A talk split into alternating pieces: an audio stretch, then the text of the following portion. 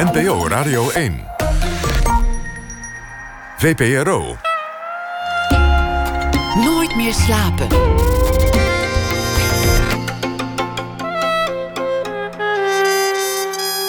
Met Esther Naomi Perquin. Goedenacht en welkom bij Nooit meer slapen. Vandaag een reportage over de Britse band Gorillaz. Die is opgericht door Blur-voorman Damon Albarn... en bestaat uit louter animatiefiguurtjes. En behalve muziek maken ze ook heuse kunstwerken. En die zijn nu te zien in een pop-up tentoonstelling in Nederland. Maartje Wortel schreef bovendien een verhaal bij het nieuws van de afgelopen dag. Dat allemaal straks. Nu eerst onopgemaakte vrouwen met korte kapsels die rondlopen in tuinbroeken, hun okselhaar demonstratief naar buiten kammen, lekker aan auto's sleutelen, ergens tussendoor hun borsten laten zien, maar dan alleen om een punt te maken en elkaar voortdurend vertellen vooral niet naar bed te gaan met de onderdrukker, de man. Voor wie aan de tweede feministische golf denkt, is het lastig te ontkomen aan een hele reeks van dit soort karikaturale beelden. Linda Duits, schrijver, onafhankelijk sociaal wetenschapper en specialist op het gebied van populaire cultuur, dook in de mythevorming rondom die tweede golf en schreef dolle mythes. Een frisse fact-check van het feminisme toen en nu. Wat gebeurde er eigenlijk echt in die jaren? Hoe kunnen jonge feministen nu daarvan leren? En wat was de waarheid en wat was beeldvorming? En in hoeverre kun je die twee überhaupt uit elkaar peuteren? Linda Duits publiceert met grote regelmaat op haar eigen website en op website van Diep Onderzoek in het Parool, Volkskrant, NRC Handelsblad. Ze is verbonden aan het Institute for Cultural Inquiry, ICON, aan de Universiteit Utrecht en verbonden aan Amsterdam Research Center for Gender and Sexuality. In de media staat zij bekend als iemand die de angel uit een hype trekt en de boel gedegen in perspectief plaatst. En in Dolomites laat ze ook op nuchtere toon met evenveel humor als grondigheid zien waar de valkuilen liggen, opdat een mogelijke derde golf daaromheen kan bewegen. In het laatste hoofdstuk haalt ze Madonna aan, die ooit zei: People say I'm controversial. But I think the most controversial thing I have ever done was stick around. Waaraan Linda Duits toevoegt: zorg dat je beklijft. Linda, fijn dat je er bent. Goedenacht. Kun jij je herinneren als het, als het moment er al geweest is. Maar kun jij het moment herinneren waarop je voor het eerst realiseerde: ik ben een meisje? Um, nee, dat kan ik me niet zo goed herinneren, denk ik. Ik weet sowieso niet meer zo heel veel uh, van mijn kindertijd. Maar ik weet wel dat ik het, um, dat ik het niet zo nou, niet dat ik het niet fijn vond om een meisje te zijn. Ik vond het lastig om een meisje te zijn. Want ik wilde dingen doen die daar niet bij hoorden. En ik weet niet meer wanneer dat voor het eerst was. Maar ik weet wel dat het altijd zo was. Al dus, vrij vroeg. Ja, dus ik wilde niet met poppen spelen. Uh, en ik vond het ook heel vervelend als tantes dan toch per ongeluk een pop uh, voor me kochten. Uh, ik wilde graag met oostjes spelen. Ik kan me herinneren dat ik mijn moeder heb gesmeekt om mijn haar af te knippen. Dus mijn moeder vond het leuk om een beetje met me te tutten en mijn haar in te vlechten en zo. Dat vond ik allemaal, dat vond ik allemaal niks. Jurkjes vond ik ook allemaal niks. Dus dat herinner ik me wel sterk dat dat niet helemaal paste. En dat ik me daar, voor zover dat dan gaat, zeg maar, als je zo klein bent, ook tegen probeerde te verzetten. Hoe, hoe, zag dat er dan uit, dat verzet? Nou, dus bijvoorbeeld dat eisen dat mijn haar afgeknipt werd. En ik had een prachtig poppenhuis uh, thuis. Uh, en dat was het domein van al mijn Playmobil poppetjes. En uh, ik speelde veel met Lego, die daar dan ook in konden wonen. dus zo, zo, kom, je er ook wel, kom je er ook wel doorheen of zo. Het was ook allemaal niet een heel drama of zo. Het was ook niet dat ik heel graag een jongetje wilde zijn. Of dat ik um, daar nou psychische last van ondervond of zo. Nou, het is grappig dat je dat zegt, dat je niet een, een jongetje wilde zijn. Je, je, is dus al wel heel snel een besef, en ik herken dat wel...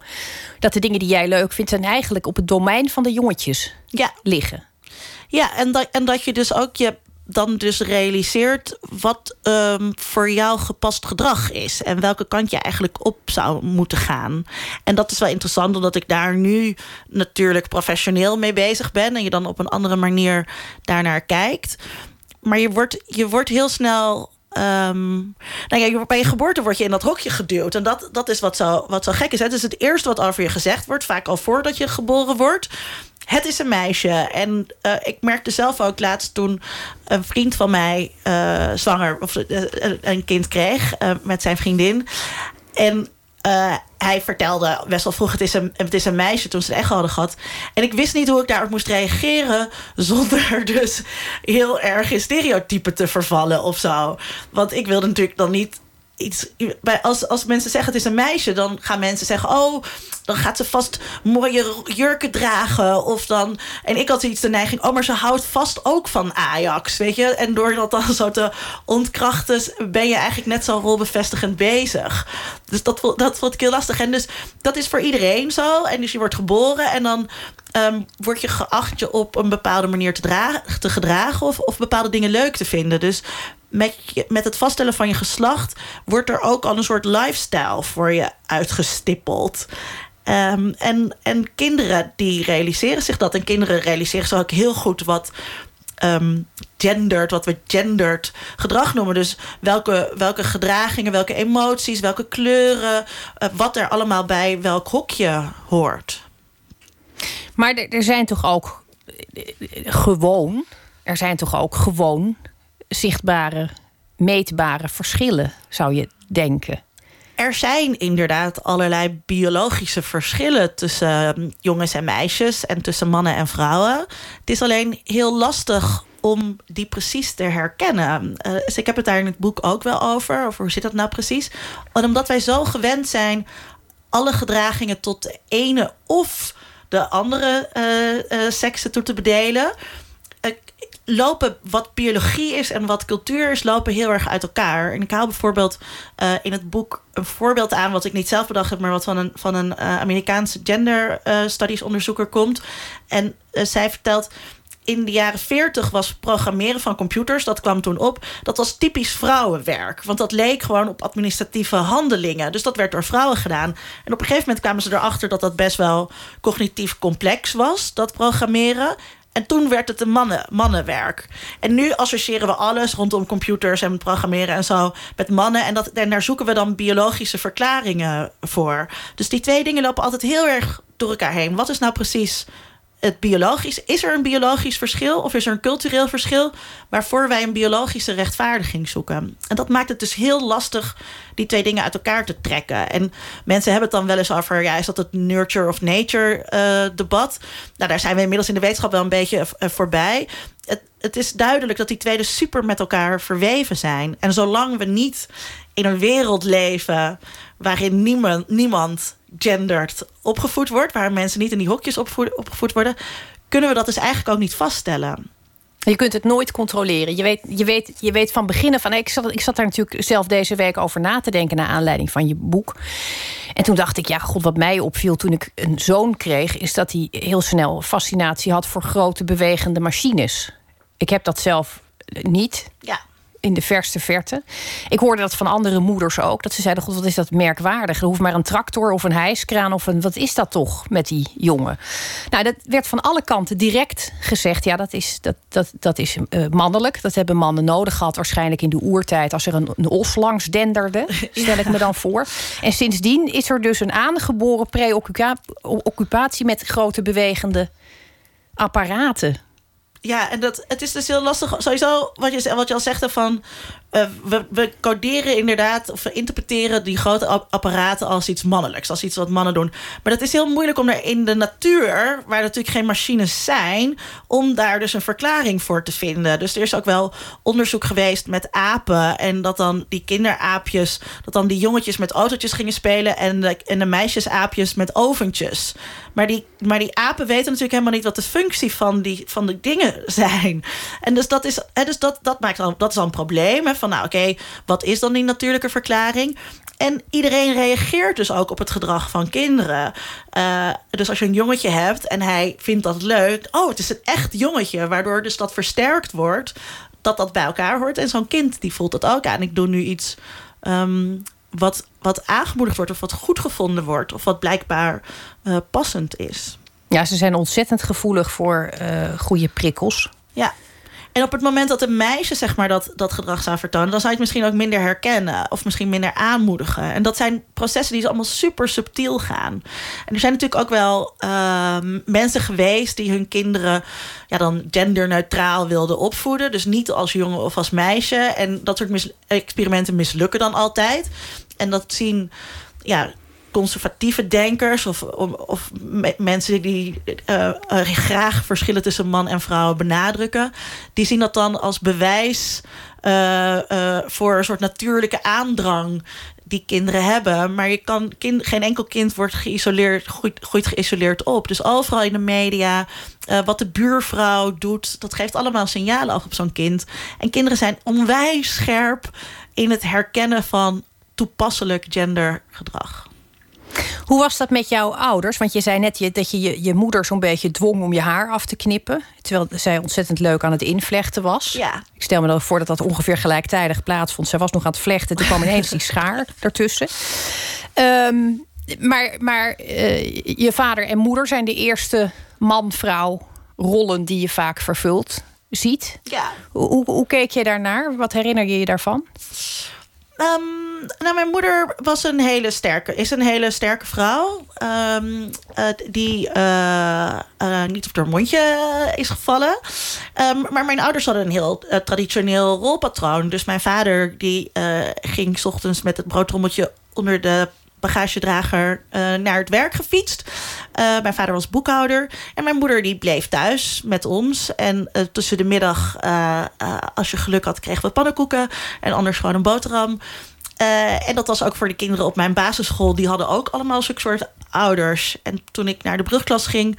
toen ging mijn moeder parttime werken. En in een nieuwbouwwijk in Zeist speelde zich dat allemaal af. Dus heel erg doorzon eigenlijk. Wit, veilig, warm Wit. en dan ook nog een moeder die pannenkoeken bakt. Wit, veilig, um, beschermd en ook heel erg geprivilegeerd, uh, denk, ik, denk ik ook wel. Dat, um, je weet dat natuurlijk niet zo goed als je opgroeit, dan, dan zie je dat soort dingen, dan heb je dat, dat soort dingen niet door. En toen ik later naar Amsterdam verhuisde en me met dit soort dingen bezig ging houden, dan zie je wel wat voor voordelen je allemaal hebt gehad in je opvoeding. Um, en ook dat bijvoorbeeld Um, ik, ik, ik, op de middelbare school deed ik het heel goed en dat vond ik niet cool. Dus, uh, uh, je vond het niet cool dat je goed kon ja, leren? dat ik goed kon leren. Dus dat, dat probeerde ik een beetje te verdoezelen. En in, na de brugklas moest ik natuurlijk naar het VWO. En dat wilde ik helemaal niet, want al mijn vriendinnetjes gingen naar de MAVO. Dus ik wilde veel liever naar de MAVO. Maar dat ging natuurlijk niet gebeuren. Dat was niet de tijd waarin dat kon. Uh, terwijl in de tijd waar mijn moeder opgroeide, dat nog wel gebeurde. Dat als je dan een hoger niveau kon, maar je zei, nou, ik blijf liever bij mijn vriendinnen hier, dan werd dat ook dan werd dat eerder geaccepteerd. Um, dus dat, dat is ook, um, ook een soort privilege. Dat, dat de tijd waarin je leeft. En dat voelde ik dus ook wel uh, als jonge opgroeiende vrouw, zeg maar. Uh, dat ik allerlei kansen had die misschien de generatie voor mij op een andere manier had. En pas later ging ik me ook realiseren um, dat wit en middenklasse zijn en zo daar ook heel veel voordeel bij brengt. En bijvoorbeeld ook uit, uit Zeist komen, dat maakt ook wel uit. Dat helpt ontzettend. Dat helpt ontzettend. Dus ik praat netjes. Uh, uh, dat, dat, is ook, dat levert ook voordeel op. Je gaat met mensen om die thuis allemaal grote boekenkasten hebben. Um, uh, ouders met interessante banen. Um, er kan altijd heel erg veel. kon op school ook altijd heel veel. Er werd veel culturele dingen gedaan. Wij waren een van de eerste scholen waar uh, computers waren. Dus ik had echt vanaf mijn achtste kreeg ik ook computeronderwijs. Wat toen best wel uniek was, zeg maar. Dat, dus dan hebben we het over nou, 1984. Um, en dat, en dat had natuurlijk ook te maken met het soort uh, gemeente dat Zeist is. Ja. ja. Jij omringde je ook met vriendinnetjes. Vriendinnetjes die naar de MAVO gingen, waar je niet mee mee mocht. Uh, dat is natuurlijk de, de, de, tweede groep waar je je aan gaat spiegelen. Als je eenmaal in de gaten hebt dat je toch echt bent ingedeeld in het team van de meisjes. Wat voor, wat voor meisjes waren dat? Op de middelbare school had ik heel erg vriendinnetjes die op mij leken of ik, of ik leek op hun. Dus ook als je dan nu die foto's terugziet, hè, dan heb je hetzelfde haar, dezelfde soort kleding. Um, Allemaal teleurgestelde moeders op de achtergrond die klaar stonden om het haar in te vlechten. Uh, nou ja, soms ook. Ik weet nog wel dat een keer dat de, dat de moeder van een van mijn beste vriendinnetjes. Uh, die op de MAVO zat, zei dat ze het zo fijn vond dat zij nu bevriend was met mij. En ze dacht dat ik een goede invloed zou hebben op haar dochter. En dat was helemaal niet zo. Want ik omringde me met meisjes die dus net zo waren als ik. Dus die ook rebels waren en uh, uh, dingen deden die eigenlijk, die eigenlijk niet mochten. Wij waren wel vervelende meisjes. Ja. ja, ik moet nu even concrete voorbeelden. Want je hebt ontzettend aandoenlijk gezicht als je dit vertelt. Met pretogen en al. Maar dan neem ik het ook gewoon niet helemaal serieus. Werden er bushokjes in elkaar getrapt? Was er drankmisbruik? Was er, uh, er wiet verhandeld? er werd geen wiet verhandeld. Uh, maar ja, dat, dat, soort dingen gebeurden wel. En uh, ik was heel lastig ook op school. Um, dus ik werd heel vaak de klas uitgestuurd. Ik ben heel veel geschorst geweest. En, maar waarom werd je geschorst? Bijvoorbeeld. Je hoeft niet alles te vertellen. Ja, nou, omdat ik dus te vaak de klas uitgestuurd werd. En dan op een gegeven moment ben je zo vaak de klas uitgestuurd en dan word je geschorst. En dat kon mij ook niet echt temperen of zo. En, ik, en, en dat was aan het begin van de middelbare school. Zeg maar in de onderbouw werd ik heel veel de klas uitgestuurd. En toen in de bovenbouw spijbelde ik heel veel. En dat mag ook niet. Ja. Ja, het is ook gewoon ontzettend uh, een, een, een, een soort luxe afzetten. Je hoort dat natuurlijk niet te doen als je gewoon een lieve vader hebt met een broodrommel onder zijn snelbinders en een moeder die thuis zit met pannenkoeken. En dat je dan toch nog het gevoel hebt dat je verzet moet gaan. Ja, kijk, het is allemaal inderdaad heel erg verzet binnen de lijntjes. En, en um, dus ik was altijd. Maar dat had je wel door. Dat, dat had ik wel door, ja. En dat is toch ook ergerlijk dat je dan dacht, ja, dan zit ik me een beetje af te zetten. Maar dat doen ze natuurlijk allemaal. Dus ik ben eigenlijk heel mainstream. En, en het werd nooit um, heel erg. Dus ik ben nooit van school gestuurd, bijvoorbeeld. Weet je, dus um, het, het, het en dat is denk ik ook dan, dat is ook een soort privilege. Dat je dat, dus soort, dat soort dingen allemaal kan maken. En op een gegeven moment, ik weet nog dat er een gesprek was met de conrector. En die zei: Ja, Linda, wat moet ik nou met jou? Als ik je in de les laat zitten, dan ga je de boel zitten uh, uh, uh, disrupto, zeg je dat? Verstoren. Verstieren of verstoren. Verstieren, ja. En, en anders dan kom je niet. En dat is, dat is dan misschien ook niet goed. Ik zei, nou ja, laat me maar gewoon. en mijn cijfers zijn prima. En dat kon ook. En ik weet ook niet of dat nu nog zou kunnen maar dat, ja, dus het, en het was inderdaad een soort rebellie.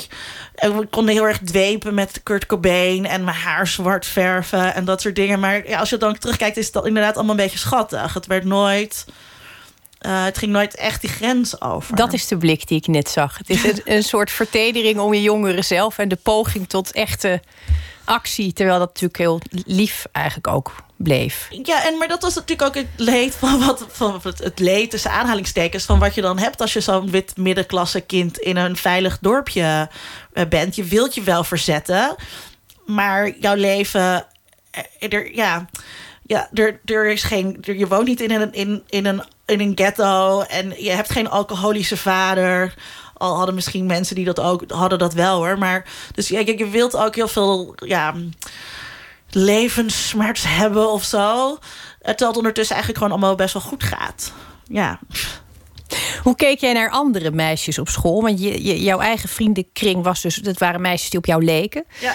Daarbuiten zijn natuurlijk zijn altijd van die groepjes. Je had alto's en je had kakkers en je had... wat had je nog meer? Gabbers had je op een gegeven moment ook. God, wat zijn we oud, Linda. Ja. Ehm, hoe, hoe keek jij naar de meisjes, meisjes? Um, ik vond, dat vond ik heel erg tuttig. En, en, um, en ik vond brave meisjes ook wel vervelend. Of, uh, of niet zo interessant. Um, die dan pas in de vierde klas gingen roken of zo. Uh, uh, of pas heel laat uitgingen. En ik was, ik was me heel erg bewust ook wel van die indeling in groepjes die er was. Um, en en omdat ik dus altijd, ja, dus ik, ik had niet zo heel veel met mijn klasgenoten. Of tenminste, ik had een, een best vriend die, die wel in mijn klas zat, maar hij werd wel van school gestuurd uh, op een gegeven moment. Dus hij ging wel een grens over. Um, en mijn, mijn vriendinnetjes zaten dus op andere uh, plekken. Dus daarmee kon ik ook heel makkelijk in de klas een soort outsider uh, zijn. En een beetje afstand houden van die andere meisjes die wel braaf, die braaf waren. Ja, daar had ik niet zoveel mee op. En je was niet jaloers dat zij bijvoorbeeld heel goed op hakken konden lopen? Nee. Nee. Het, het, nee, dat heb ik, ik heb dat niet gezien dat zij vrouwelijkheid beter konden doen of zo. Of dat ik daar jaloers op was. En dus ik denk ook, zeg maar. Hè, dus, dus meisjes en ik ook wel tot, tot je twaalfde of zo kan je makkelijk een soort tomboy zijn. Een jongensmeisje. En dat is dan ook nog wel redelijk geaccepteerd. Daar, daar zit ook trouwens een, een uh, kleuraspect en een klasseaspect uh, aan vast. Maar dat is een ander verhaal. Um, en op het moment dat je naar de middelbare school gaat en jongens komen in het spel, dan zie je dat die, dat die jongensmeisjes zich veel vrouwelijker op gaan stellen. En dat was bij mij ook. Dus je lichaam wordt ook vrouwelijker. En ik kopieer dus heel erg mijn vriendinnetjes. Uh, ik denk dat ik ook toen zeker wel een keer schoenen met hakken heb gehad. Ook al vind ik dat heel erg vreselijk. Uh, en pas later, zeg maar weer aan het einde van de middelbare school, ga je een eigen stijl ontwikkelen. Of dan denken dat je een eigen stijl gaat ontwikkelen. En dan zie je ook dat er veel meer subculturen ontstaan. Dus echt grunge worden. Of wat je nu met gothics. Of wat je later met gothics had. Of nu met emo's of hipsters. Dat gebeurt zich allemaal. Dat speelt, trekt, voltrekt zich in de tweede helft. Uh, van wat, de zijn, wat zijn emo's? Die ken ik helemaal niet. Emo's lijkt ook een beetje op gothics. Um, ook heel somber. Uh, uh, ja, emo van e emotioneel. Um, dus die ook het heel moeilijk hebben met het leven. Waar, terwijl dat waarschijnlijk vaak natuurlijk ook niet zo is. Ja. Ja, die subculturen zijn ook altijd vrij constant. Dus, dus je kan makkelijk lijnen door de jaren heen trekken. Zeg maar van nou, uh, vroeger noemden we dat de punkers en toen werd het grunge en zo. En dat zijn altijd ook altijd een soort dezelfde mensen of dezelfde klassenposities die daarbij horen. Wanneer kwam het uh, gevoel bij jou op dat, je, dat er toch iets niet helemaal lekker zat in, het, in die indeling? Want dat, dat, dat is natuurlijk wel sluimerend. Dat bewustzijn is er wel steeds geweest. Als ja. jong meisje, dus ook op de middelbare school, constateerde je: God, het is toch een. Ik zit in een subgroep blijkbaar. Ja. Dat wordt later, uh, wanneer je als jong volwassene de wereld ingaat met name tussen 20 en 30, als iedereen de hele tijd zegt: zou je niet eens aan kinderen gaan denken en hoe is het met je verkering? Dan moet er toch een moment zijn gekomen dat je dacht: ik zit hier eigenlijk gewoon niet helemaal lekker in deze indeling. Dat, dat ik zit niet helemaal lekker in die indeling, dat heb ik dus denk ik altijd wel gehad. En ik heb dus ook echt, het schijnt dat ik echt drie was of zo, dat ik tegen mijn familie zei: ik wil later geen kinderen. Dat is ook nooit veranderd. Daar ben ik altijd heel stellig in geweest, dat ik dat ook niet wilde. Um, ik heb dat altijd als een soort van um, feit van het leven gezien of zo. Je weet namelijk niet hoe het is om in een ander lichaam te zitten. En dat, dat is zo interessant. Dus daarom is dat hele concept van gender ook zo um, interessant voor mij. Hoe weet je nou dat je vrouw bent van binnen? Wat betekent het dan om vrouw te zijn van binnen. En ik weet wel dat ik een vrouw ben. Ik heb geen gevoelens uh, van transgender uh, zijn. Het is echt niet dat ik dus in transitie zou willen of zo. Of dat ik verlang naar een mannenlichaam om dat zelf aan te hebben. Um, maar, je weet, maar dan is het heel moeilijk om onder woorden te brengen wat dat nou precies betekent, een, een vrouw zijn. Moet je dan van chocola houden? Is dat iets wat in je zit? Dus dat zijn wel dingen waar ik altijd over na heb gedacht. En pas een heel stuk later um, kreeg ik theorie aangereikt, waardoor ik daar op een bepaalde manier over na kon denken. Maar het is net als um, de, in de omgang met je ouders bijvoorbeeld. Pas als je, als je bij andere mensen over de vloer komt, dan zie je wat er eigenaardig is aan je eigen ouders. En je, komt nooit, je zit nooit in een ander lichaam. dus je moet het altijd met je eigen lichaam doen. Dus wat voor jou in jouw lichaam zit, dat is voor jou normaal. En ik heb geen idee hoe jij je als vrouw voelt, bijvoorbeeld. Uh, daar kunnen we wel over praten, maar dan moeten wij proberen onze ervaringen onder woorden te brengen. En dat is al lastig genoeg voor jezelf. Laat staan um, hoe het voor mij is om te begrijpen hoe dat dan voor jou is. En of dat hetzelfde is en of dat dan echt anders is dan bij man. Ja, aan mij heb je een hele slecht hoor. Ik geloof dat ik uh, toen ik voor het eerst een keer hakken droeg. Ik kan niet op hakken lopen of heel slecht. En toen kwam ik de trap af en toen zei mijn moeder... kind, je loopt weer als een cowboy die zijn paard kwijt is. dus ik heb die hakken uitgetrokken. En ook daarna, ik denk jaren niet meer geprobeerd... tot ik dat weer een beetje... Dat bedoelde ze overigens verder niet heel vervelend. Maar dus het, het idee, god, ik zit niet helemaal lekker in die groep. Ik heb dus vrouwelijkheid ook altijd geassocieerd met heel veel dingen die ik niet ben. Met, met roze, pluizige dingen. Of met, met dat ze van binnen eigenlijk vol zitten met potpourri. Ja. Geen idee waarom ik dat dacht, maar dat heb ik toch heel lang aangenomen. Dus dat, dat is lastig. Maar, maar jij zei net, ik heb het heel lang ervaren als gewoon een, een feit des levens. Er komt ook een moment waarop je je realiseert... dit is een onderwerp waar ik iets mee ga doen. Dat kwam toch later bij jou. Het was niet direct zo dat je dacht: als ik ga studeren, dan ga ik die kant op. Nee, dat kwam pas veel later. Dus in die zin was ik daar helemaal niet uh, professioneel mee bezig of academisch in geïnteresseerd. Helemaal echt. Wist je dat niet. het bestond, genderstudies? Of waren die er toen nog eigenlijk? Ja, nou, toen, heet het, toen heet het nog niet genderstudies. Dus ik heb wel uh, als uh, jonge student, ik heb politicologie gestudeerd. Als jonge student moest ik van mijn studiemaatje moest ik inleiding vrouwenstudies volgen. En hij zei: Linda, je kunt geen hoogopgeleide vrouw zijn zonder iets te weten van vrouwenstudies.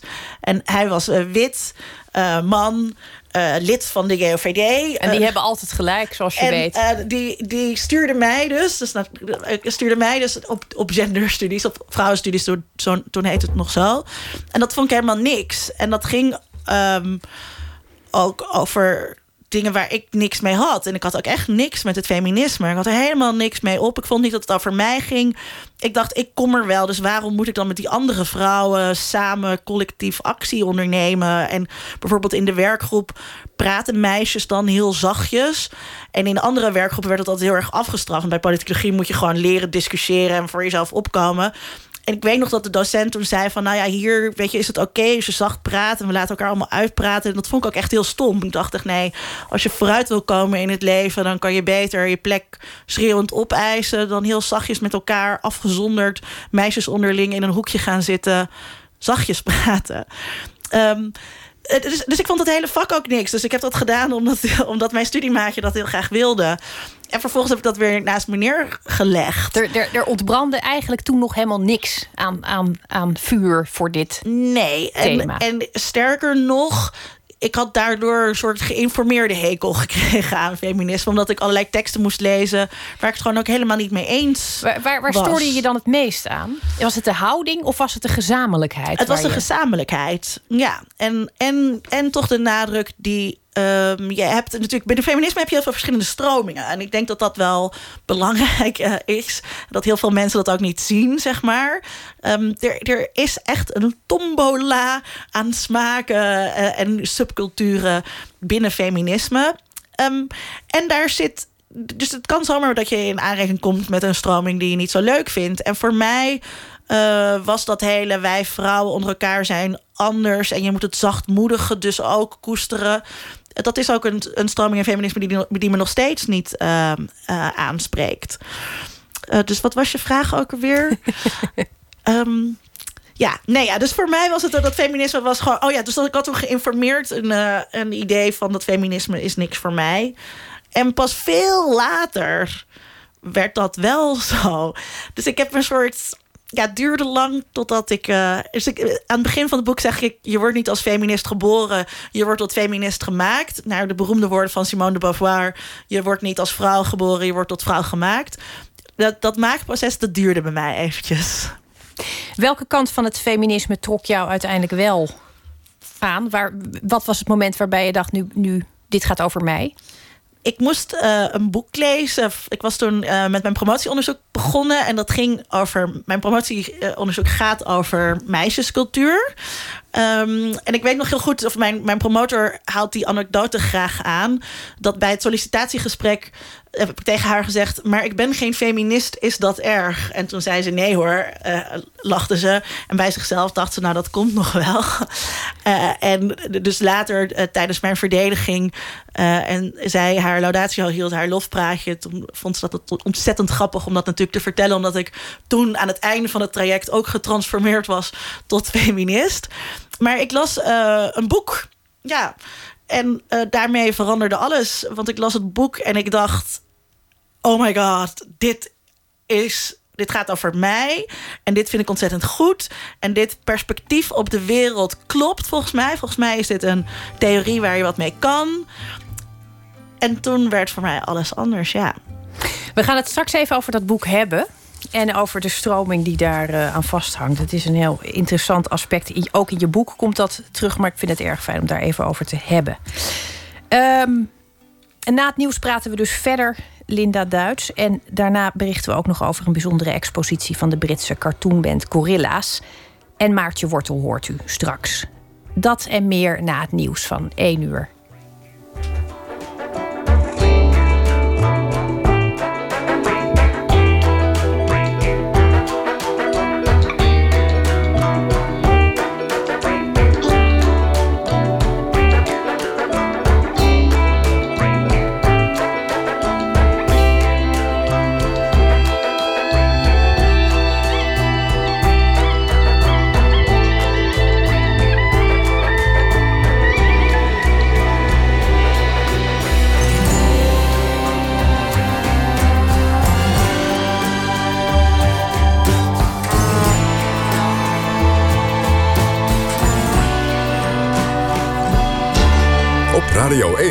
Het nieuws van alle kanten.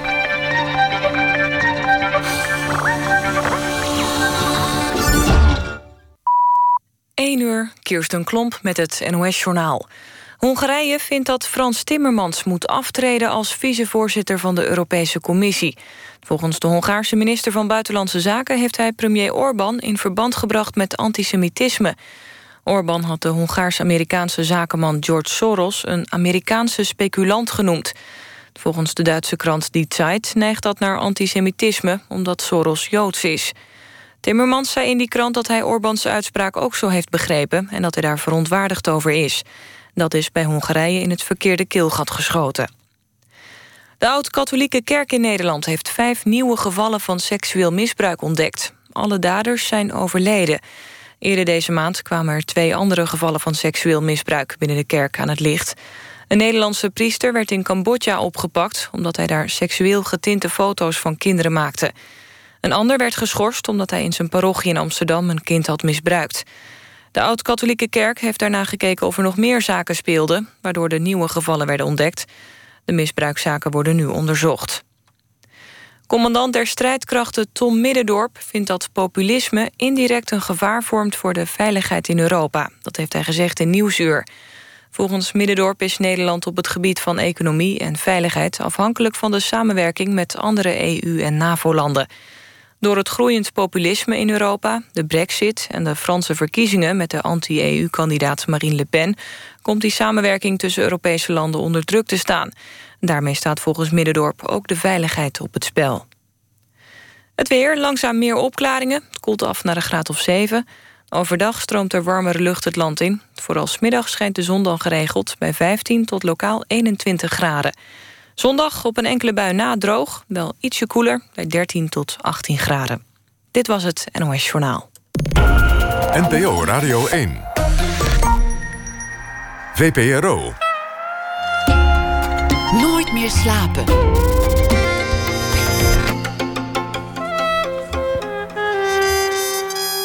Met Esther Naomi Perquin.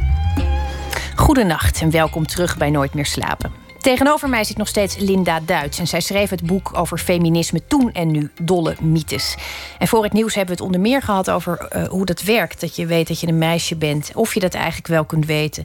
En wat je uh, moeder aan moet met haar dat niet ingevlochten wil worden, maar kort gewiekt. Um, we bleven eigenlijk op het uh, punt waarop jij in een feminist transformeerde. Ja. Of moet ik feministe zeggen? ik hou zelf nooit zo van de vrouwelijke versies van dat soort woorden. We hadden daar laatst nog een gesprek over met iemand. Alleen als het echt heel ingeburgerd is. Dus ik vind het heel raar om over jou te zeggen dat je schrijver bent. Um, dan zou ik echt wel zeggen schrijfster. Of historica of zo. Omdat dat zo. Maar ik zeg ook niet politicologe.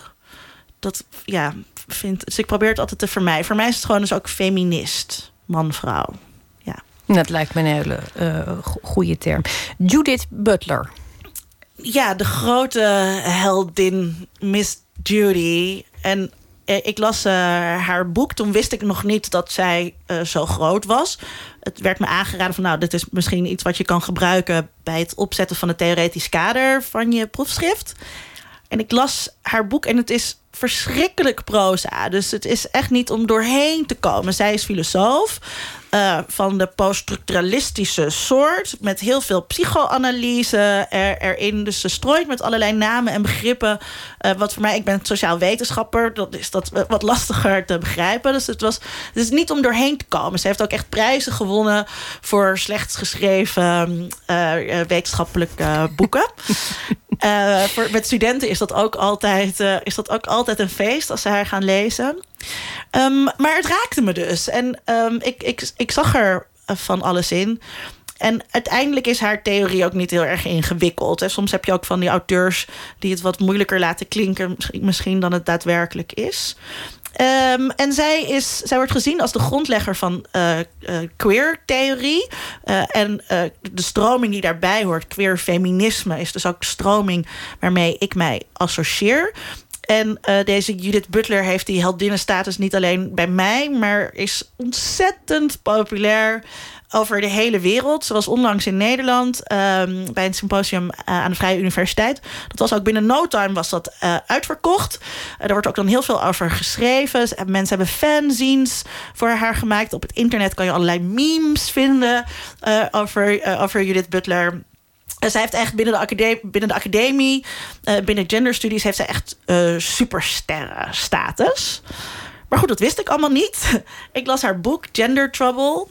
En uh, dat gaat over dat gender um, niets meer is dan een, dan een performance. En dus waar we het net over hadden van dat gevoel wat je hebt dat je vrouw bent, wat, wat is dat dan? En heel veel vrouwen hebben het gevoel dat er zoiets bestaat als een natuurlijke vrouw, waar Aretha Franklin ook over zingt. You make me feel like a natural woman.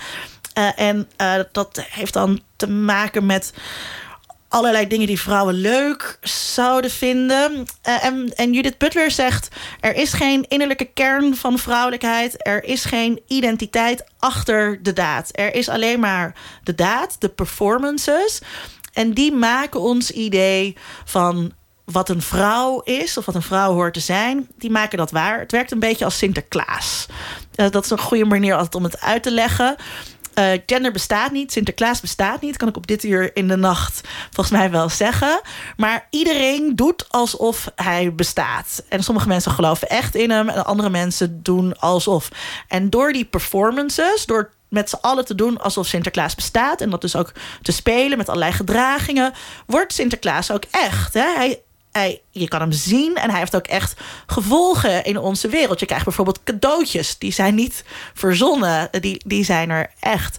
En zo werkt het ook met gender. En wij doen allemaal ons gender en daarmee houden wij het idee in stand dat er zoiets bestaat als een echte vrouw. Hoe zit het dan, vraag ik me gelijk af, met uh, bijvoorbeeld seksueel geweld? Dat is toch niet een, een, een performance om, om die mannen met z'n allen hebben afgesproken in, intact te houden. Dat is toch echt voorbehouden aan mannen. Ik, ik bedoel in 99% van de gevallen. Nou, dit is dus niet 99% van de gevallen. Er zijn veel meer mannelijke slachtoffers van seksueel geweld dan we denken. Er is daar ook een enorm uh, taboe op. Um, maar die zijn niet het slachtoffer van vrouwen? Jazeker, die zijn uh, het slachtoffer van vrouwen. Ja. Ja, ik heb er onlangs een column over geschreven. Uh, met allerlei cijfers ook, die ik nu niet even paraat heb. Uh, maar als je dat wil nazoeken, die column heet Als zij je dwingt. En het gaat over inderdaad echt uh, vrouwen als daders. En er ligt een enorm taboe op, omdat wij in ons denken over wat mannelijkheid en vrouwelijkheid is, het heel moeilijk vinden om vrouwen als daders te zien. We zien vrouwen veel eerder als slachtoffers en mannen altijd als daders. Nou ja, dus statistisch gezien ja is dat natuurlijk ook best een terechte indeling als je het afrondt op, op, op de cijfers. En dat is dan ook zo'n voorbeeld van een gedraging die we dus dan gaan koppelen aan de natuur. Waarbij er dan dus ook een soort van natuurlijke verklaring wordt gezocht. Waarom mannen dat, doen. Waarom mannen dat doen, ja. En dat is, ik, ik vind dat ook altijd heel kwalijk. Dus ik probeer me daar. Uh, probeer dat altijd goed te nuanceren. Um, even terug naar. Uh, uh, is seksueel geweld een performance? Nou ja, we weten uit uh, onderzoek uh, over mannenculturen en mannengroepen dat je je mannelijkheid moet bewijzen, bijvoorbeeld door vrouwen na te roepen. dat, dat is iets wat jongens aangeleerd krijgen in bepaalde groepen. Dan kan het bijvoorbeeld gaan over bouwvakkers, maar bijvoorbeeld ook, het is ook onderzocht op Amerikaanse colleges met fraternities, zeg maar. Dus de studentenverenigingen uh, in Amerikaanse versie. Waarin dat soort gedrag, dus onderling um, um, beloond wordt. Beloond tussen aanhalingstekens. Dat levert jouw status op in de, in de groep. Dat levert jouw mannelijkheidsstatus op in de groep. Um, dus er zit wel degelijk uh, achter seksuele intimidatie bijvoorbeeld... een component van gender performance. Nou ja, ik zit nu ineens te denken, nu, nu je dit zo zegt. Ik, ik heb, uh, toen ik uh, een paar jaar voor justitie werkte, heb ik veel verkrachters gesproken. Mm -hmm. En dat waren wel vaak mannen die vonden dat ze daar gewoon recht op hadden. En, en dat idee dat je ergens recht op hebt, is natuurlijk tot op zekere hoogte wel gewoon aangeleerd.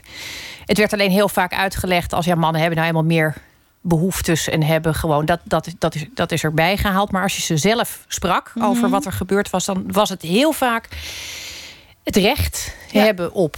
Ja. Dus eh, mis- mis- misschien is dat. eh, ja, ik dacht nu weer gewoon lekker de uitzondering te hebben gevonden. Nu zit ik alweer helemaal in je queer-theorie te verzinken als in een moeras. Nou ja, het is, het is, het is daarom was het dus voor mij ook zo'n eye-opener. Misschien voor mensen thuis klinkt het nu heel erg theoretisch. En ik had wel studenten die zeiden: Oh, daar heb je Linda met haar marsmannetjes. Eh, maar het is een. Eh, het is, voor mij was het een zo, once you see it, you cannot unsee it. Als je het eenmaal gezien hebt, dan kan je het niet meer on, ontzien. Hè? Dus het is een perspectief van naar de wereld kijken, van naar onze sociale wereld kijken, wat ik natuurlijk als sociaal wetenschapper heel graag wil, waarvan je ehm, de, de kracht van zo'n theorie ziet, omdat je ziet dat het toepasbaar is eh, eh, op de werkelijkheid. Dus voor mij, ik las dat super zware theoretische boek, maar vervolgens ging ik ehm, echt met meisjes onderzoek doen. Dus ik heb heel lang in groep 8 gezeten ehm, op eh, twee verschillende scholen om te zien hoe meisjes dat nou doen, die dat meisje zijn en hoe zij hun meisjescultuur vormgeven. En toen bleek ook dat die theorie dus heel bruikbaar eh, was om te begrijpen hoe die wereld van meisjes in elkaar zit en hoe zij zich gedragen, en hoe ze naar jongens kijken en, en al die eh, zaken. Dus het is wat jij zegt van nu, nu word ik jouw queer theory inge- inge- ingetrokken. Misschien is het dan ook wel aanstekelijk. En misschien is het nu ook wel zo dat je dan meer op die manier naar de wereld gaat kijken. Dat hoop ik dan natuurlijk ook, omdat ik ook docent ben en dat ook leuk vind. Ja, dat straal je ook ontzettend uit. Nee, ik, ik, ik zit me af te vragen of er een manier is om het te, te, toetsen. En dan komen we eigenlijk terug op iets wat jij eerder zei. Het is ontzettend lastig om nature-nurture überhaupt nog uit elkaar te trekken. Dat is met dit natuurlijk ook. Ik, ik kan eigenlijk niet kijken als er achter die performances, zoals je dat noemt, niks zit. Ja.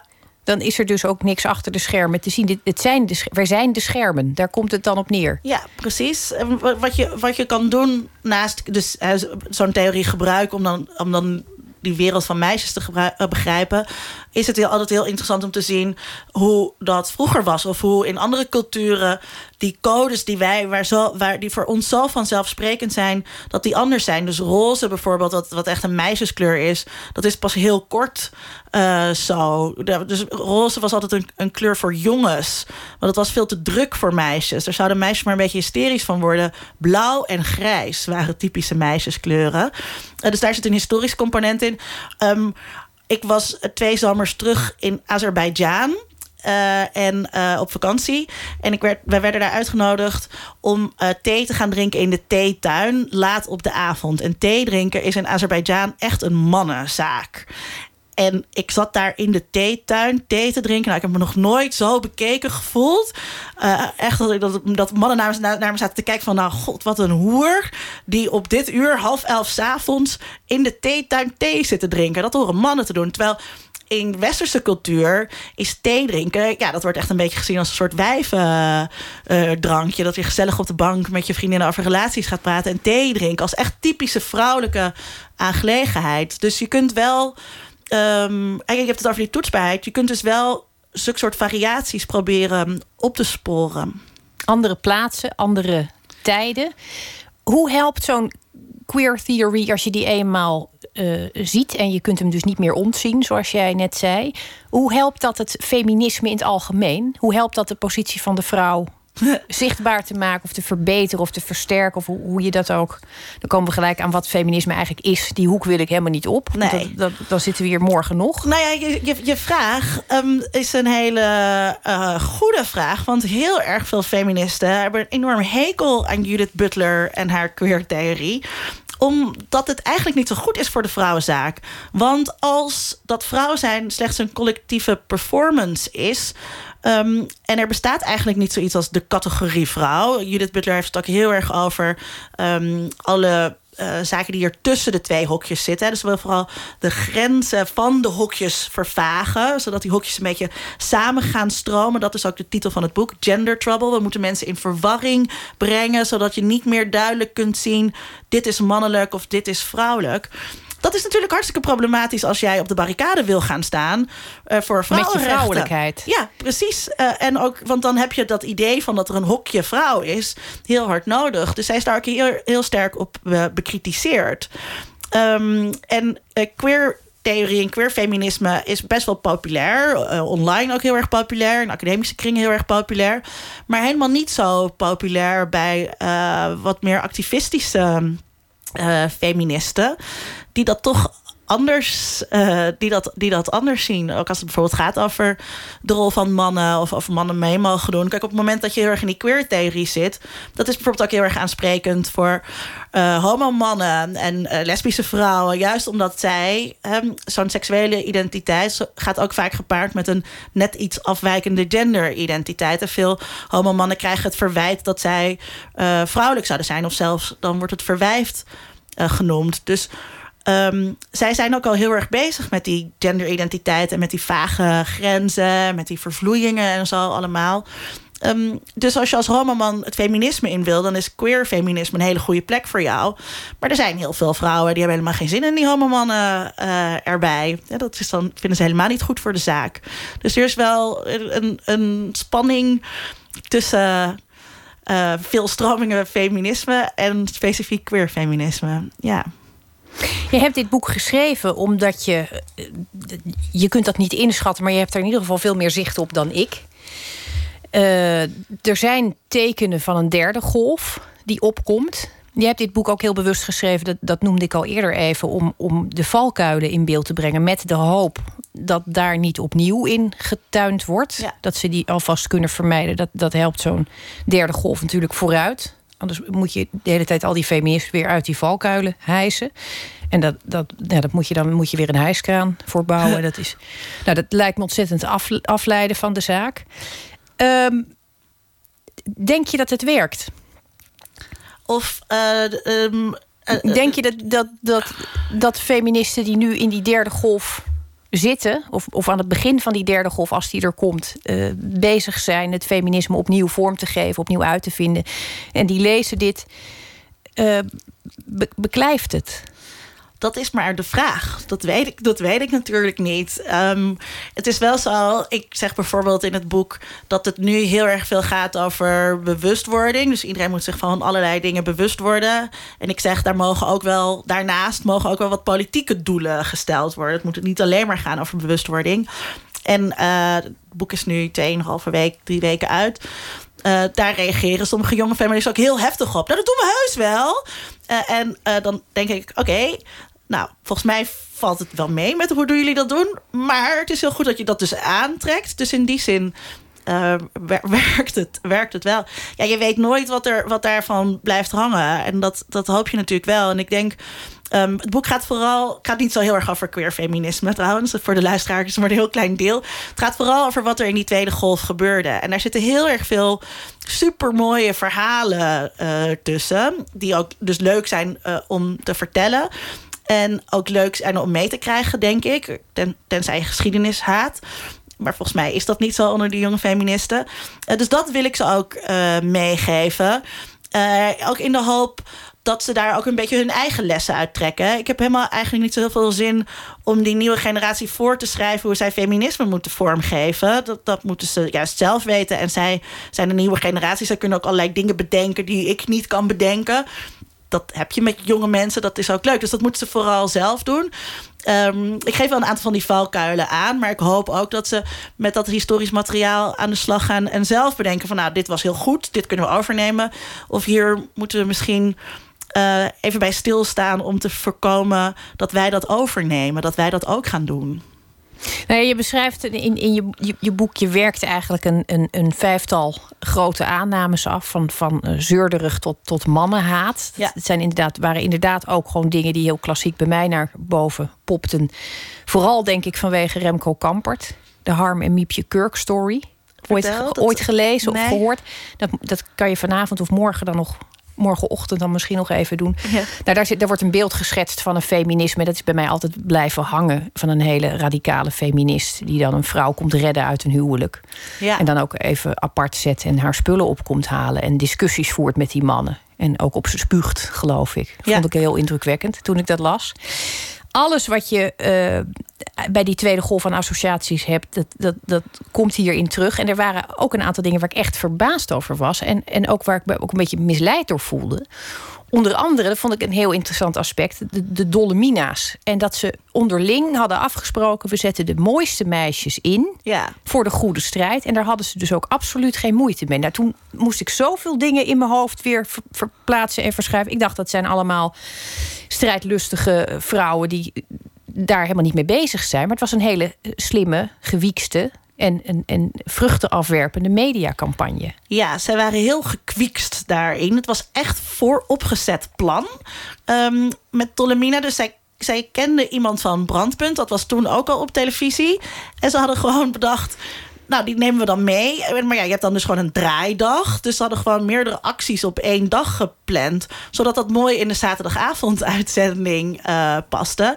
En uh, zij wilde heel erg voorkomen dat zij um, blauwkousen of, of kenaus genoemd zouden worden. En dat, wat, ik, wat ik zelf heel grappig vond, was dat Um, dit gaat over de tweede feministische golf. Hè. Dus eind jaren 60, jaren 70 uh, tot de jaren 80. En er was ook een eerste feministische golf. Uh, die is ongeveer in 1920 was dat zo'n beetje afgelopen. Dat ging over vrouwenkiesrecht en toegang tot ho hoger onderwijs. En die tweede golfers, die keken natuurlijk naar die eerste golf met, ja, dat waren een beetje zeurende, mannenhatende vrouwen. Dus er zit ook een soort herhaling van de geschiedenis in. En zij wilden dus heel erg hun feminisme afzetten tegen dat feminisme van de eerste golf. Dus daarom schoven ze die mooie meisjes naar voren, zodat zij niet het verwijt konden zouden krijgen van dit zijn vrouwen die geen man kon konden krijgen, wat over die eerste golfers werd gezegd.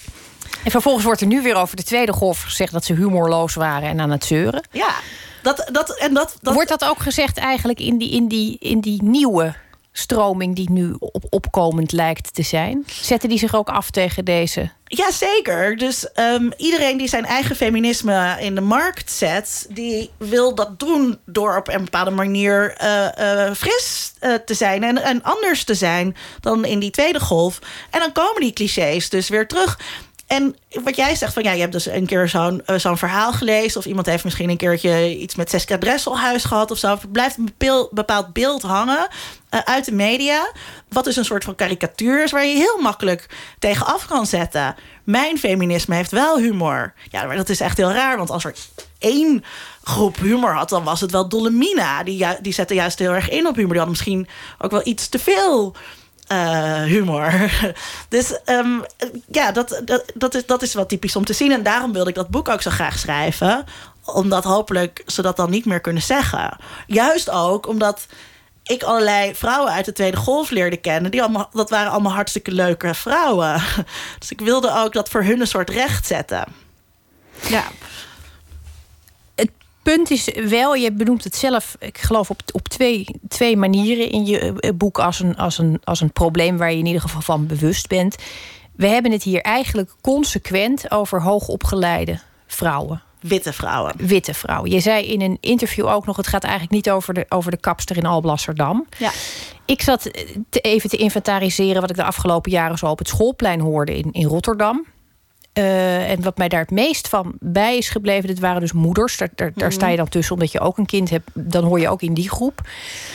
En wat me daar het meest aan op is gevallen of bij is gebleven, is dat er op een gegeven moment een moeder was die zei: Ja, nee, ja, de, mijn, mijn man heeft natuurlijk wel een papa-dag. Maar ja, als je kinderen ziek zijn, willen ze toch hun moeder. Ja. En dat vond ik al een dubieuze uitspraak. Want ik heb dat zelf, die, die emotie helemaal niet. Ik, het kind heeft twee ouders, die kunnen dat allebei even goed, wat mij betreft. Mhm. Maar wat mij toen opviel, is dat die, al die moeders die daarbij stonden, die begonnen het allemaal ontzettend te uh, beamen. En dit is natuurlijk een schoolpleinsituatie. Maar als ik jouw boek lees en, en jou hoor praten, denk ik, hoe verplaats je die werkelijkheid van dat nieuwe feminisme naar dat schoolplein? Hoe krijg je die ooit bij elkaar, die twee werelden? Ik denk, ik denk dat dat heel erg uh, moeilijk is. Al was het maar omdat dat nieuwe feminisme gedragen wordt door feministen die nu nog te jong zijn om kinderen te hebben. Uh, of kinderen te willen of heel erg met die problematiek bezig te zijn. Dus uh, zij zijn heel erg bezig met seksueel geweld, want dat is iets waar zij veel mee te maken krijgen. Het gaat heel erg veel over representatie in de media. Er zijn er wel genoeg uh, vrouwelijke hoofdrolspelers in series en films en zo. Dat zijn natuurlijk hele andere onderwerpen die heel erg dicht bij hun beleveniswereld liggen. Terwijl in de Tweede Golf uh, man-vrouw maatschappij. eigenlijk de eerste organisatie, nog voor Dolomina was dat. Waar Hedy Dancona een van de oprichters van was. Dat waren allemaal dertigers. En dat ging voor hun dus heel erg over het combineren van zorg en werk. Want dat was iets waar zij tegenaan liepen. Dus uh, jouw vraag van hoe gaat dat nieuwe feminisme zich vertalen naar het schoolplein? Dat, um, dat, dat, is, dat weet ik ook niet. Um, uh, ik reken mezelf ook niet tot dat jonge feminisme. Ik ben 40, dus ik ben gewoon net wat ouder dan dat. Um, dus dat is, dat is ook een vraag. En ik weet bijvoorbeeld dat uh, het platform Vilijnen een nieuw feministisch platform. Zij willen heel graag overal in Nederland feministische salons houden en met vrouwen gaan praten. Uh, en die zijn er wel mee bezig. En het kan ook zijn dat als deze generatie dus net iets ouder wordt en met kinderen in aanraking komt, dat dat, dat dat wel gaat spelen. Dat ze wel meer die vertaalslag gaan maken. Maar ik weet niet hoe ze dat gaan doen. Ik weet dus, uh, ze zijn bijvoorbeeld heel erg bezig uh, wel met die aantijging uh, van witheid. Dat wordt heel erg opgepikt. Dus ze willen heel erg graag heel inclusief zijn. Um, uh, naar vrouwen van kleur, naar zwarte vrouwen. En daar heel erg mee bezig zijn. Um, maar dat overbrugt natuurlijk niet per se de kloof tussen hoger en laag opgeleid. Of tussen stad en periferie. Nou, er valt in ieder geval nog een ontzettende hoop te winnen. Ik ben uh, benieuwd of die golf uh, doorbreekt. Misschien is die dat al en, en zullen we dat pas met terugwerkende kracht. Het is een ontzettend spannende tijd om te zien hoe dat zich zal gaan voltrekken. Ik ben heel blij dat je er was. Linda Duits, Dolomites heet je boek. Ik heb het met uh, plezier gelezen. Ik heb er ook ontzettend veel over zitten piekeren en weerstand bij gevoeld. Mooi zo. Uh, ben ik een tevreden docent. dat, dacht ik wel. Zelfs dat is, is nog zo. Uh, we gaan het er straks gewoon nog even over hebben.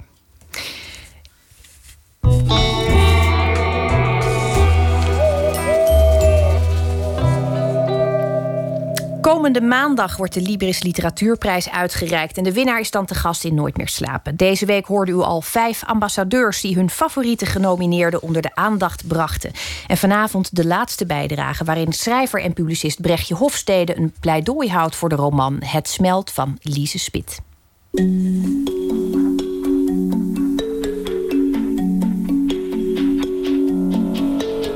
Het boek gaat over uh, een meisje, Eva Um, die uh, verschillende leeftijden heeft in het boek. En het boek begint als zij bijna 30 is. En met een kofferbak vol met ijs in, naar haar geboortedorp rijdt vanuit Brussel, waar ze woont. Uh, en er is iets met dat ijs, we weten niet wat, maar ze gaat in ieder geval, ze is op, op weg om wraak te nemen op het dorp waar ze is opgegroeid. en dan ontstaat er een portret van Eva als meisje, haar kleine zusje, haar broer, haar ouders. En ook vooral um, de drie jongens, of de twee jongens met wie Eva is opgegroeid. Um, ze is geboren in een jaar dat er maar twee andere kinderen werden, geboren. Dus zij en die twee jongens waren altijd aan elkaar overgeleverd.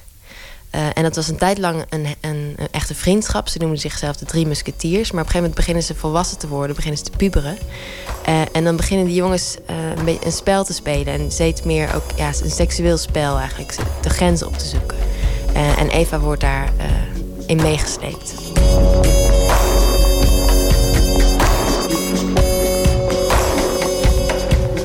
Het Smelt is het debuut van Lise Spit. Het dorp waar het verhaal zich afspeelt is haar eigen geboortedorp, waar ze fictie van gemaakt heeft. Ik vind dat uh, Lise Spit ontzettend uh, mooi schrijft. Een hele mooie beelden gebruikte.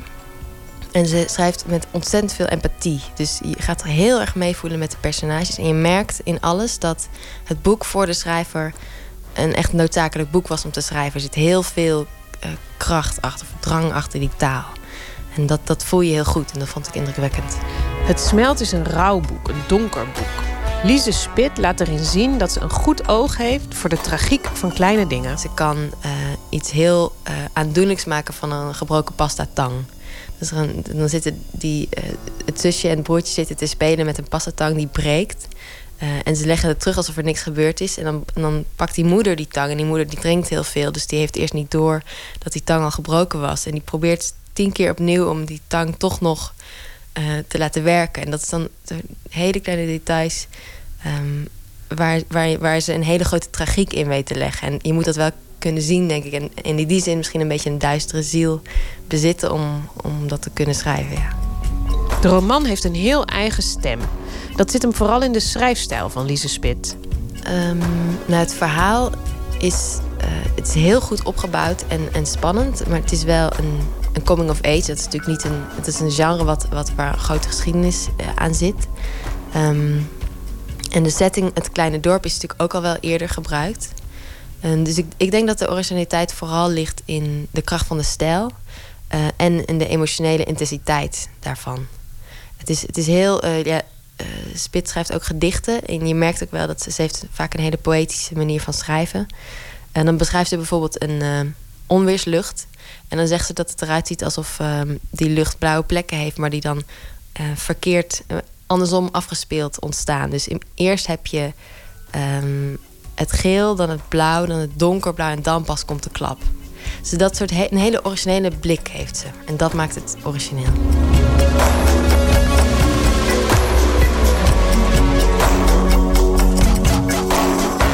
af en toe in het, in het ontstaan van het boek, toen, toen kenden wij elkaar al.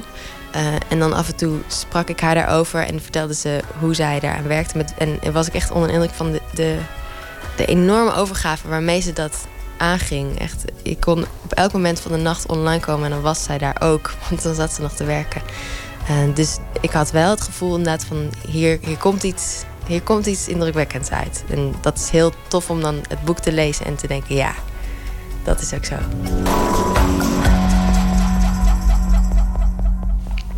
U hoorde Brechtje Hofstede over het smelt van Lise Spit in een bijdrage van Inge Terschuren. En maandag weten we wie de Libris Literatuurprijs wint en hij of zij zal dan te gast zijn in dit programma. Ze vlogen vandaag als speciale ambassadeurs van de vrijheid met een helikopter door het hele land om op te treden op bevrijdingsfestivals. De staat. Wij gaan luisteren naar All is Dull.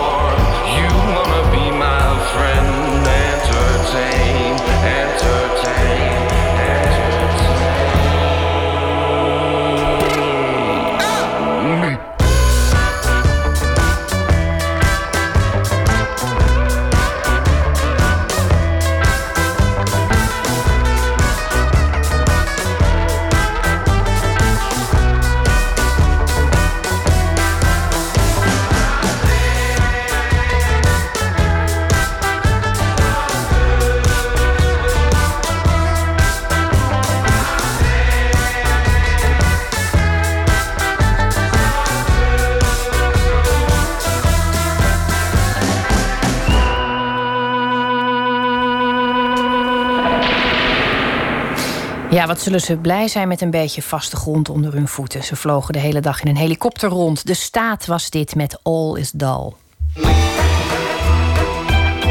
Nooit meer slapen. Vorige week kwam het nieuwe album van Gorillaz uit. Met een daarbij horende rondreizende tentoonstelling die Spirit House heet. En Amsterdam is een van de drie steden waar het te zien is in expositieruimte De School. Voor het publiek is het zaterdag open, maar voor journalisten was er gisteren al een preview. En verslaggever Botte Jellema ging daar naartoe, samen met animatiemaker en muzikant Job Roggeveen van Happy Camper. Drie dagen Brooklyn, drie dagen Berlijn en één dag Amsterdam. Met een mysterieus filmpje kondigt de Britse band Gorillaz aan... dat er een reizende expositie bij hun nieuwe album is. Nogal exclusief, zo te zien. En daarom waren mijn verwachtingen best wel hoog gespannen. Het album Humans is nu een week uit en sinds een maand staan de video's online. All my life,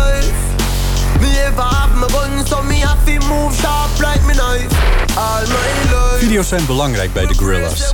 De band heeft virtuele leden, een aantal getekende karakters. Achter de schermen bestaat Gorillaz uit muzikant Damon Albarn... tevens frontman van de band Blur... en tekenaar Jamie Hewlett, die ook de strip Tank maakt. De virtuele band bestaat nu bijna 20 jaar. Voor de muziek zoekt Gorillaz de samenwerking met andere artiesten... en vaak niet de minste, zoals bijvoorbeeld Nene Sherry, Lou Reed en Snoop Dogg. Het begon met Del the Funky Homo Sapien voor het nummer Clint Eastwood. I ain't happy, I'm feeling glad I got sunshine in a bag. I'm Het was hun eerste single en een grote hit in 2000. Voor de hit Feel Good Inc. werkten ze samen met De La Soul. En de jaren daarna worden legendarische liveshows gegeven... waar de virtuele karakters een hoofdrol spelen... en de echte band soms nauwelijks is te zien.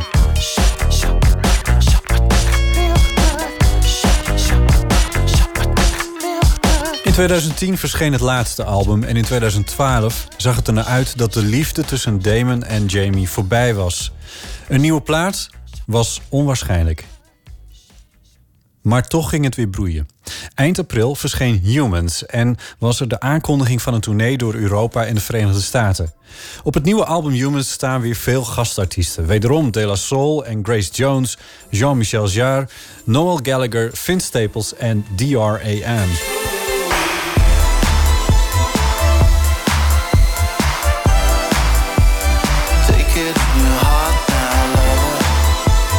Er is een Nederlands muziekproject dat op Gorillaz lijkt.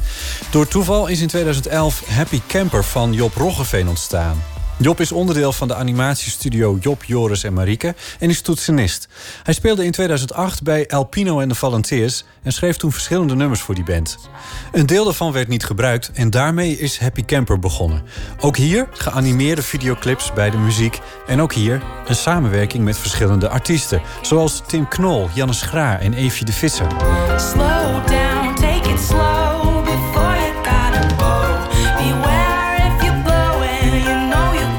Dit is A Single Life, gezongen door Pien Feit. En de video die erbij hoorde werd genomineerd voor een Oscar... voor de beste korte animatiefilm. Wat ik het tof vind aan, aan Gorillaz is dat zij iets anders proberen te doen dan een, een gewone act, zeg maar. Gewoon een gitaarband of zo. Job is zeker geïnspireerd door de Gorillaz... en daarom heb ik hem gevraagd om mee te gaan... naar die preview van de expositie in Amsterdam-West. Donker gangetje. De virtuele wereld worden we meegenomen. Dat is wat ze zei. Ja, het lijkt een soort spookhuis. Ja, Spirit House heet het dan ook. Gorillaz is een samenwerking aangegaan met een fabrikant van draadloze geluidssystemen... die een nieuw apparaat hebben aan te prijzen. Ze investeerden in de dure animaties van de cartoonband... en die krijgen we nu te zien en te horen op de nieuwe apparatuur. Dan ga je heel veel herkennen en heel veel zien. Eh, maar ik ga vooral lekker eh, rondkijken. Het De aanwezige begeleiders hebben t-shirts aan met de naam van de fabrikant erop. Maar Gorillaz heeft de expositie gemaakt, zo vertellen ze. We worden door de met doeken afgezette gangen geleid... die het een beetje mysterieus maken. Overal hangen draadloze speakers. Er is geen hoek onbezet Het gebleven. grappige is dus dat hier een beetje de flipside van virtual reality. eh, dus de dingen die uit de virtuele wereld komt, hebben we hier in onze wereld gebracht. Dus eh, nou, jullie mogen naar binnen. Niet gespeend van enig gevoel voor drama, vertelt de begeleider dat we dan nu bij de kamer zijn aangekomen. Een houten deur die dan eindelijk voor ons open gaat.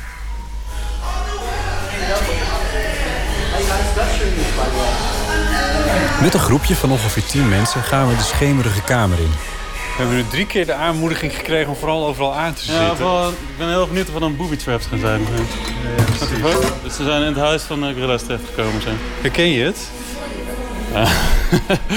Eh, nou...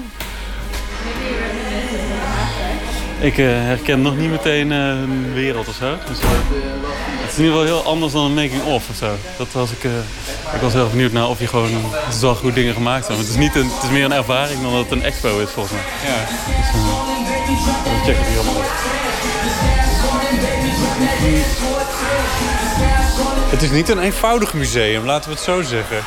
Nee, het is niet dat je meteen snapt wat je moet doen of zo. Nee. Je bent meer een soort van, oké, je bent dan in die kamer en dan... eh, eh, Het is wel leuk dat aan een messenplankje dan ook een zwaard hangt. Ja, precies. Ja. Ja, ze hebben ook volgens mij wel iets met samurai eh, dingen. Zo. Met een, zo'n Chinese dingen toch ook gemaakt. Zo'n Chinese musical in Mandarijn. Kijk, het valt absoluut te loven dat een techbedrijf investeert in creatieven. Daar kunnen anderen een voorbeeld aan nemen. Dus dat wil ik niet afvallen. Maar ik weet niet of dit helemaal werkt. Hier en daar is een verwijzing naar de wereld van de gorillas, maar tot leven komt het absoluut niet. Ik heb studentenkamers gezien die erger waren. En ik kom helemaal niets extra's te weten over de band, de muziek of het verhaal. Misschien ontgaat het mij als geen doorverrochte fan, maar de verwachtingen overtroffen de praktijk.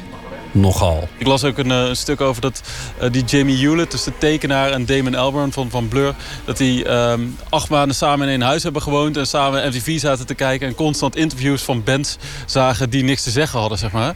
En dan dat het een beetje steeds zo was van ja, maar waarom ga je dat doen, weet je wel? En, en zij wilden juist iets toevoegen aan de hele popmuziek. En daardoor zei- eh, kwamen ze op het idee om een fictieve band te beginnen. Ik ben met Job in de tuin van de school gaan zitten. We misten het verhaal een beetje. En dat is nou juist iets wat zo tof is aan Gorillas. Hier miste ik zelf iets en ik dacht, oké, ik wilde wel, wel meegenomen worden in het verhaal of zo. En dat, eh, dat werd ik niet helemaal. Nee, het, het enige wat, wat ik wel bedacht was... eh, nu met het nieuwe album Humans, wat niet voor niks Humans heet...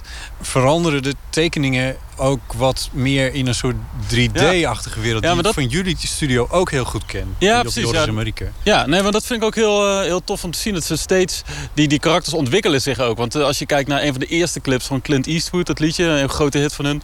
Hebben ze echt heel simpele grafische animaties, zeg maar. En die worden steeds iets luxer of zo. En dan hebben ze ehm, in 2010, volgens mij, nee, 12 was het volgens mij, hebben ze een, eh, echt een 3D-clip in een, in een echte wereld al gemaakt. En nu wordt het nog weer wat luxer of zo. Dus, Ja, eh, met, schaduweffecten. En, eh, in plaats van dat... ja, eh, je moet me maar corrigeren als ik het verkeerd zeg... maar een beetje op Japanse leest geschoeide Ja, het heeft wel wat manga-invloeden die erin zitten. Ja. Maar dat is ook wel dat die, heel, die invloed van Jamie Hewlett natuurlijk. Hoe, wat hij erin meeneemt en zo. Wat is, wat is nou de, de, het fijne van het werken met eh, fictieve figuren, met animaties? Ja, het, eh, ik heb wel eens de, de term gehoord over animatoren dat het een beetje verlegen acteurs zijn. Dus eh, je, eigenlijk ben je een soort acteur. Je moet bedenken wat doet iemand. Weet je wel, hoe, eh, hoe gedraagt dit karakter zich? Wat zou die in zo'n situatie doen? Weet je, je moet het allemaal verzinnen. Eh, alleen je laat niet jezelf zien, je laat iemand anders zien dat, die dat doet dan. Ja. ja, verlegen zeg je. Is dat echt alles? Nee, het is, het, je houdt natuurlijk... Kijk, wij zijn eh, alle drie ontwerpers. We hebben alle drie eh, gestudeerd aan de Design Academy in Eindhoven. En, en zijn daar eigenlijk met de, de connectie voor liefde voor verhalen en ontwerpen... zijn we in animatie terechtgekomen. Dus wij willen gewoon een, een illusie creëren eigenlijk. En, eh, en dat proberen we te doen. Alleen bij, wat bij ons echt wel vooraan staat, naast het karakterontwerp... is echt het verhaal. Dat je echt meegenomen wordt met een karakter waarom je iets doormaakt. En, eh, en dat je dat als kijker mee gaat voelen ook. Popmuzikanten zijn ergens natuurlijk ook karikaturen.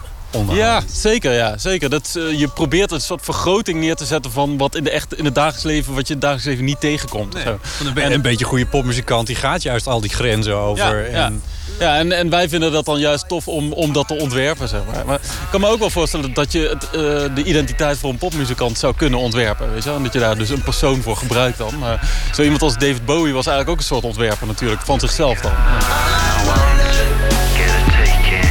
Cause wel iets waar hij altijd mee door kan gaan natuurlijk, weet je. Als hij, eh, weet je omdat het niet gaat om, om zijn dagelijks leven wat je moet volgen of zo. Het, is, het zijn die fictieve karakters, die kunnen altijd wel weer opduiken of zo. En, dat, eh, en ik denk ook wel dat je het kan blijven ontwikkelen. En dat je het heel erg kan aanpassen aan, eh, aan de tijdgeest. Dat is volgens mij ook iets goeds wat bijvoorbeeld Daft Punk goed doet. Is dat die, weet je, zij zijn zelf onzichtbaar. en zij veranderen natuurlijk zelf ook. Ze worden ouder en alles. Maar die robots, die blijven altijd die robots. Het is, het is zo'n heel erg onsterfelijkheidswaarde heeft het. En dat heeft Gorilla's ook een beetje. Brengt de popmuzikant eigenlijk nog weer een stap verder. Waar de echte popmuzikant Ja. misschien niet eens aan kan komen. Nee, precies inderdaad. Die worden toch uiteindelijk ouder. Daar kan je niks aan doen. Ja.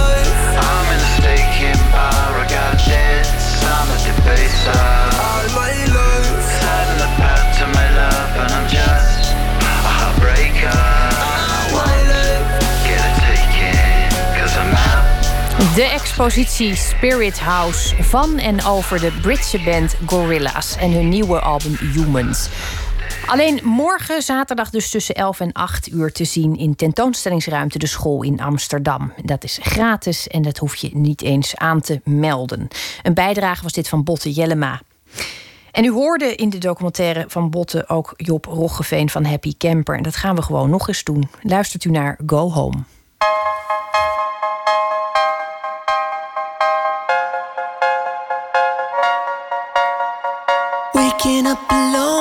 Once more. You thought you could be wrong. Waking up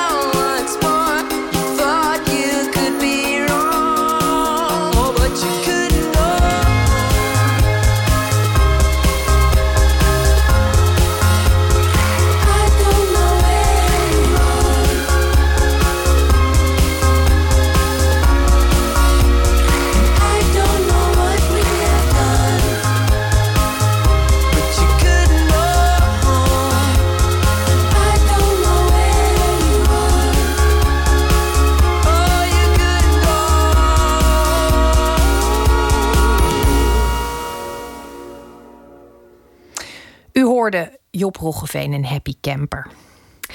Eén minuut is een serie wonderlijke verhalen van 60 seconden. En de bijdrage van vanavond heet Toneelspelers. Let op, want een minuut is zo voorbij.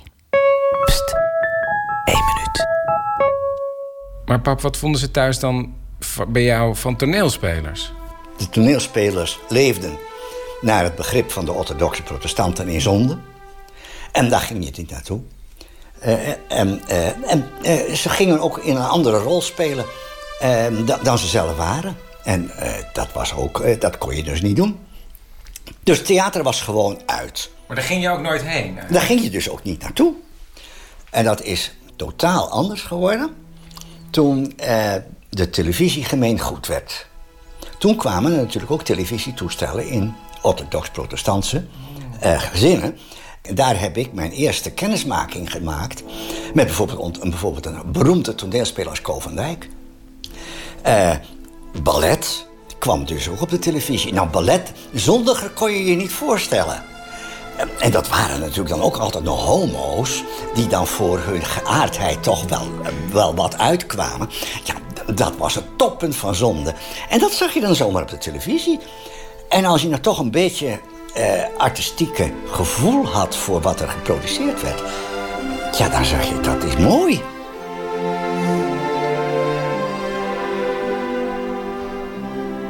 Ja, dat is zeker mooi. U hoorde toneelspelers een 1 minuut gemaakt door Chris Baayema... met dank aan het Mediafonds.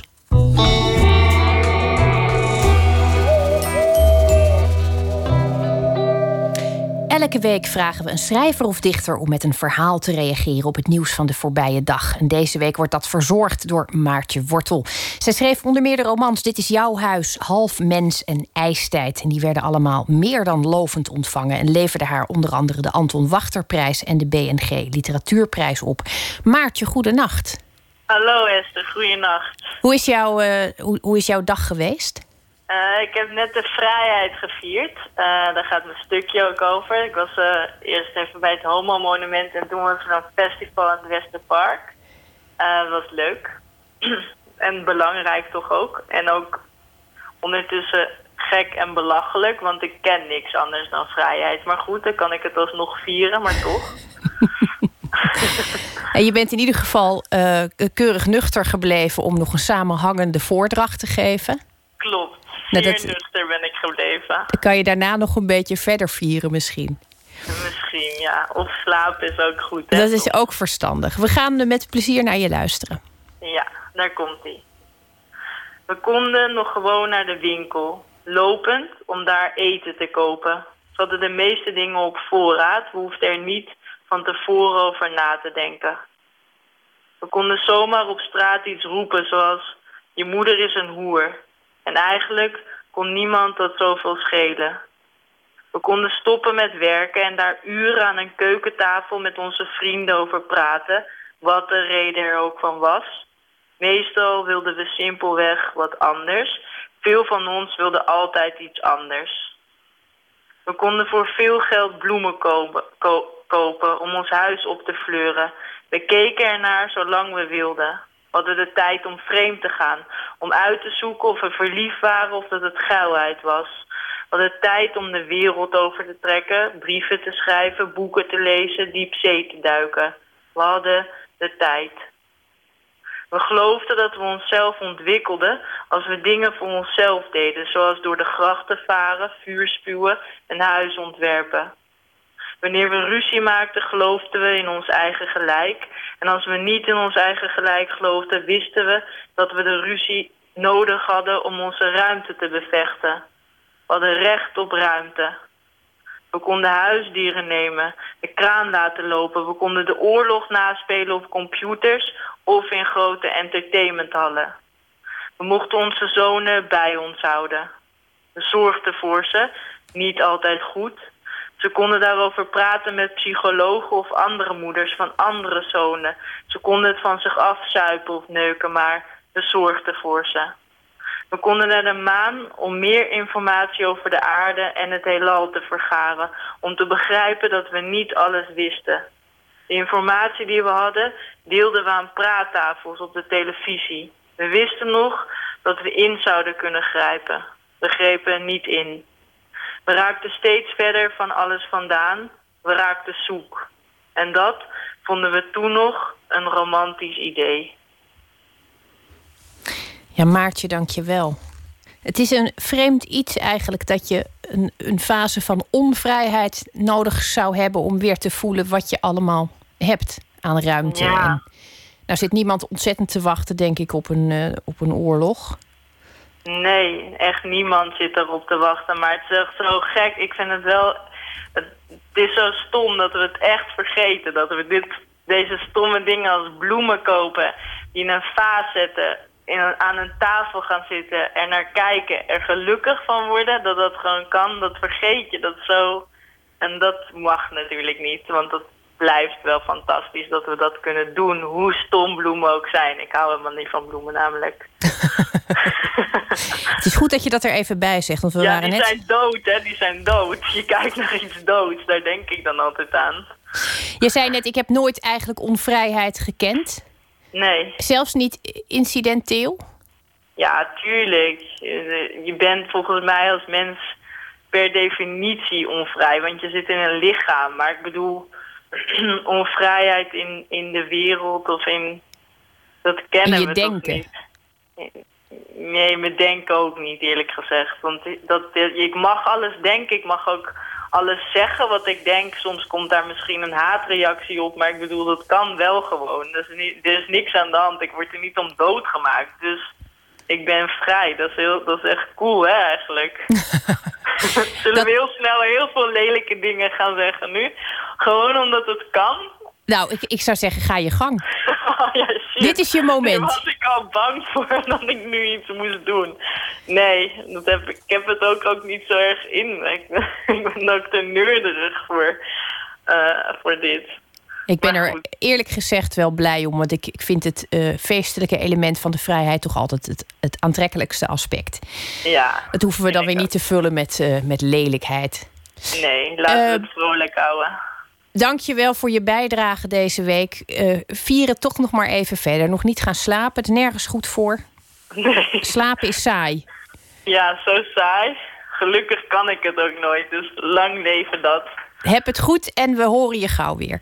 Oké, tot gauw. Dag. Dag, doei. Van de Amerikaanse singer-songwriter John Mellencamp verscheen onlangs zijn 23e album Sad Clowns and Hillbillies, dat hij in nauwe samenwerking met Carlene Carter maakte, de stiefdochter van Johnny Cash. Zijn song Easy Target is een commentaar op de huidige staat van Amerika.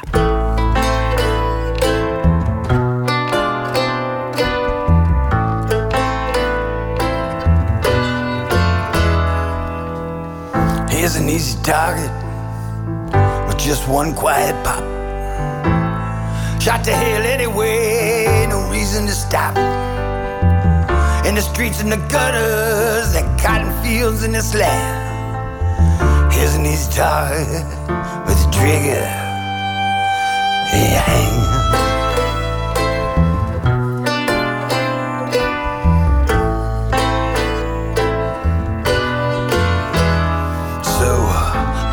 Lives Matter. Who we trying to kill? Here's an easy target, don't matter, never did. Cross is burning such a long time ago. 400 years and we still don't let it go.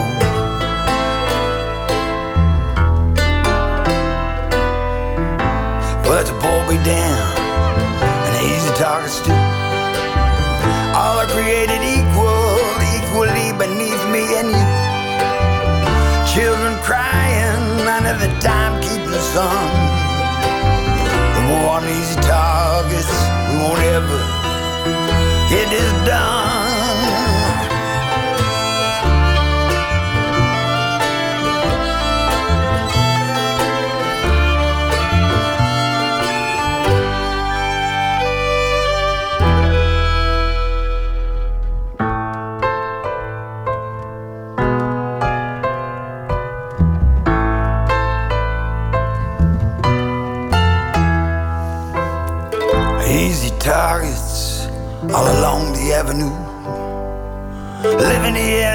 In Sucker Town, baby, me and you. Behind the bars to keep each other apart. Easy targets, a country's broken heart. U hoorde John Mellencamp met Easy Target. Mocht u nog wakker blijven, vier dan de vrijheid nog een beetje. Dat kan een mens niet vaak genoeg doen. En mocht u toch gaan slapen, droom dan iets eigenzinnigs of iets gezelligs. En ik wens u voor nu, zoals altijd, een hele mooie nacht.